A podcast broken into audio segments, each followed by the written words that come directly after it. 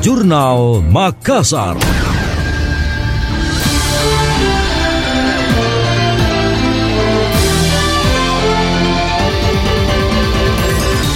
Wali Kota Makassar dan Pomanto mengingatkan seluruh jajaran pemerintah untuk mengawal Natal dan Tahun Baru 2023. Hal itu disampaikan saat menghadiri apel gelar pasukan Operasi Lilin 2022 dalam rangka pengamanan Natal dan Tahun Baru 2023 di Tribun Lapangan Karebusi Kamis 22 Desember 2022. Dia menitip tugas itu kepada jajaran Ketua RT dan RW, Lurah, Camat hingga pelaku ekonomi. Selain itu mengingatkan semua orang tua melalui program Jagai Anata untuk selalu mengawal dan menjaga buah hatinya khususnya pada momentum perayaan Natal dan Tahun Baru 2023. Sementara itu Kapolda Sulsel Irjen Pol Nana Suyana yang bertindak sebagai inspektur upacara dalam amanatnya menyampaikan operasi lilin 2022 jelang Natal dan Tahun Baru berlangsung selama 11 hari mulai 23 Desember sampai 2 Januari 2023. Untuk pengamanan Natal dan Tahun Baru kali ini mengerahkan 4.580 personel gabungan, yakni 2.429 personel kepolisian dan 2.151 personel dari instansi terkait.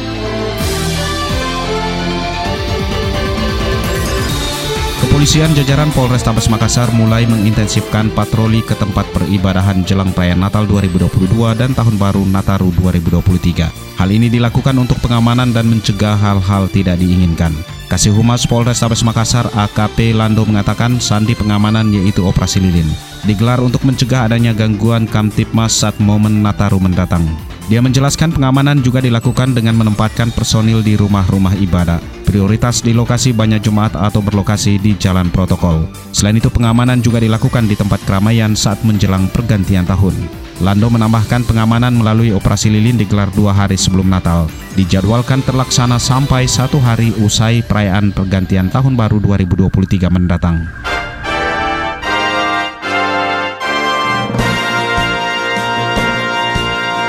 Demikian tadi Jurnal Makassar.